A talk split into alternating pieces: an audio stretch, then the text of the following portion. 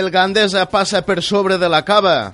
El Gandesa s'emporta 3 punts d'or per seguir a les posicions capdavanteres de la classificació i ho fa tot just amb el que la setmana passada demanàvem. Demanàvem tornar a veure'ls brillar i els de Navarro van fer durant 45 minuts contra un rival que a seva casa sempre ha sigut un os difícil de rossegar. El partit començà amb bones impressions i, de fet, van tenir que passar pocs minuts per a veure ja el primer gol. Bona pressió de tot l'equip obliga els locals a retrasar la pilota al porter. Aquest fa un mal control i aprofita d'illa per no abandonar la pressió i aquesta fa que surti la pilota rebotada a la posició de Christian, que justament des del vèrtex de l'àrea aprofita per treure's de la butxaca un toc subtil amb l'interior del peu per a superar el porter local per dalt aprofitant la seva sortida. Al minut 2 ja marcava el 0-1 a favor dels gandesans. El Gandesa no es deixava enganyar pel marcador i seguia amb el bon treball d'equip. Seriós defensivament, amb una pressió molt avançada, ja de primeres línies defensives de la cava i sobretot amb molt bon joc, amb triangulacions constants i quan el joc estava congestionat pel centre, buscant bandes amb desplaçaments llargs. Tot funcionava a la perfecció i senyal d'això no tardaria molt en arribar al segon gol. Estàvem sobre el minut 20 de joc, falta provocada per Genís a la zona al mig del camp, que aprofita Pere per sacar llarg per a l'entrada d'illa entre línies.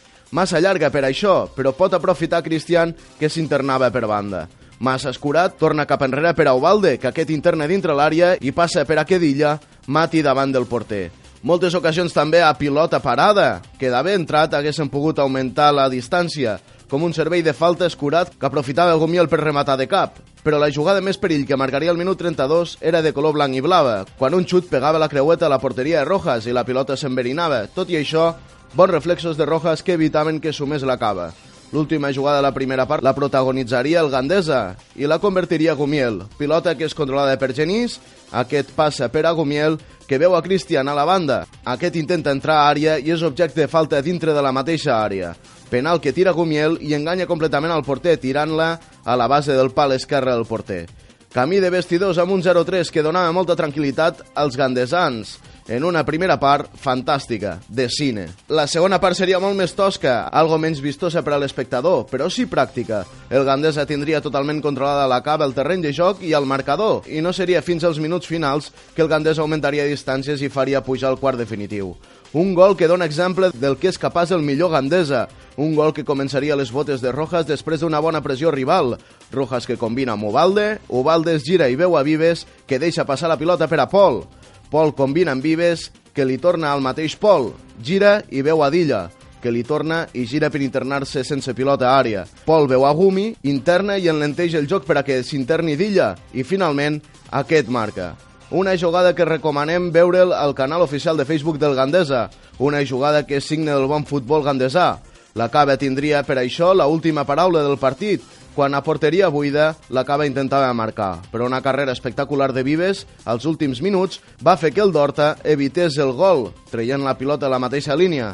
El Gandés assuma 3 punts vitals per seguir lluitant per les posicions capdavanteres i es prepara aquests Nadals per protagonitzar un dels partits de la temporada, on el Gandés rebrà el Tortosa al municipal.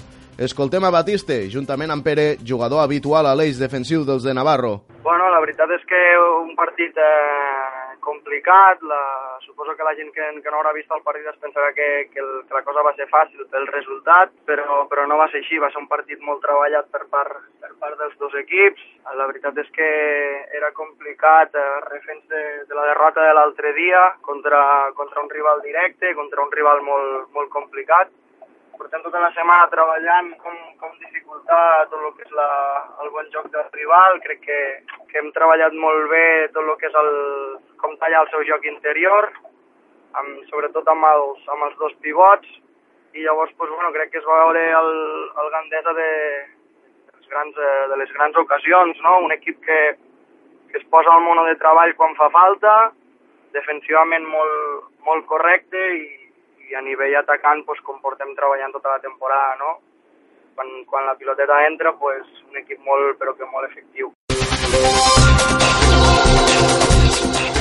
El Gandesa s'emporta 3 punts d'or davant d'un rival que portava 9 jornades sense perdre, en un partit on hi havia dos objectius, emportar-se els 3 punts i intentar que els jugadors amenaçats per acumulació de targetes com poden ser Ubalde, Cristian i Gumiel poguessin jugar dintre d'unes setmanes el partit contra el Tortosa. Ara mateix escoltem a Rafael Navarro, tècnic del Gandesa. Bueno, molt contents per, per la victòria en aquest últim partit de, de l'any. Jo crec que el resultat ho diu tot, un 0-4 al camp d'un equip com és, com és la Cava, pues, i un camp tan difícil com és el de la Cava, pues, eh, jo crec que hi ha poc més, poc més que afegir. Ens hem basat en una defensa, bueno, no una defensa, no, un, un treball a nivell defensiu molt important. Eh, hem aconseguit superpoques ocasions de gol. Jo crec que les úniques ocasions de gol que ha tingut la Cava han sigut a, en jugades a pilota aturada. Eh, tenim un jugador com és Ferran que, que a nivell, a nivell d'estratègia, de, a nivell de qualitat, ni té molta i mos, bueno, mos fica problemes en aquest sentit, però jo crec que en el resto hem, hem aconseguit poques ocasions i després a dalt pues, hem, estat, hem estat molt, molt fins, com ja estem habitualment, en,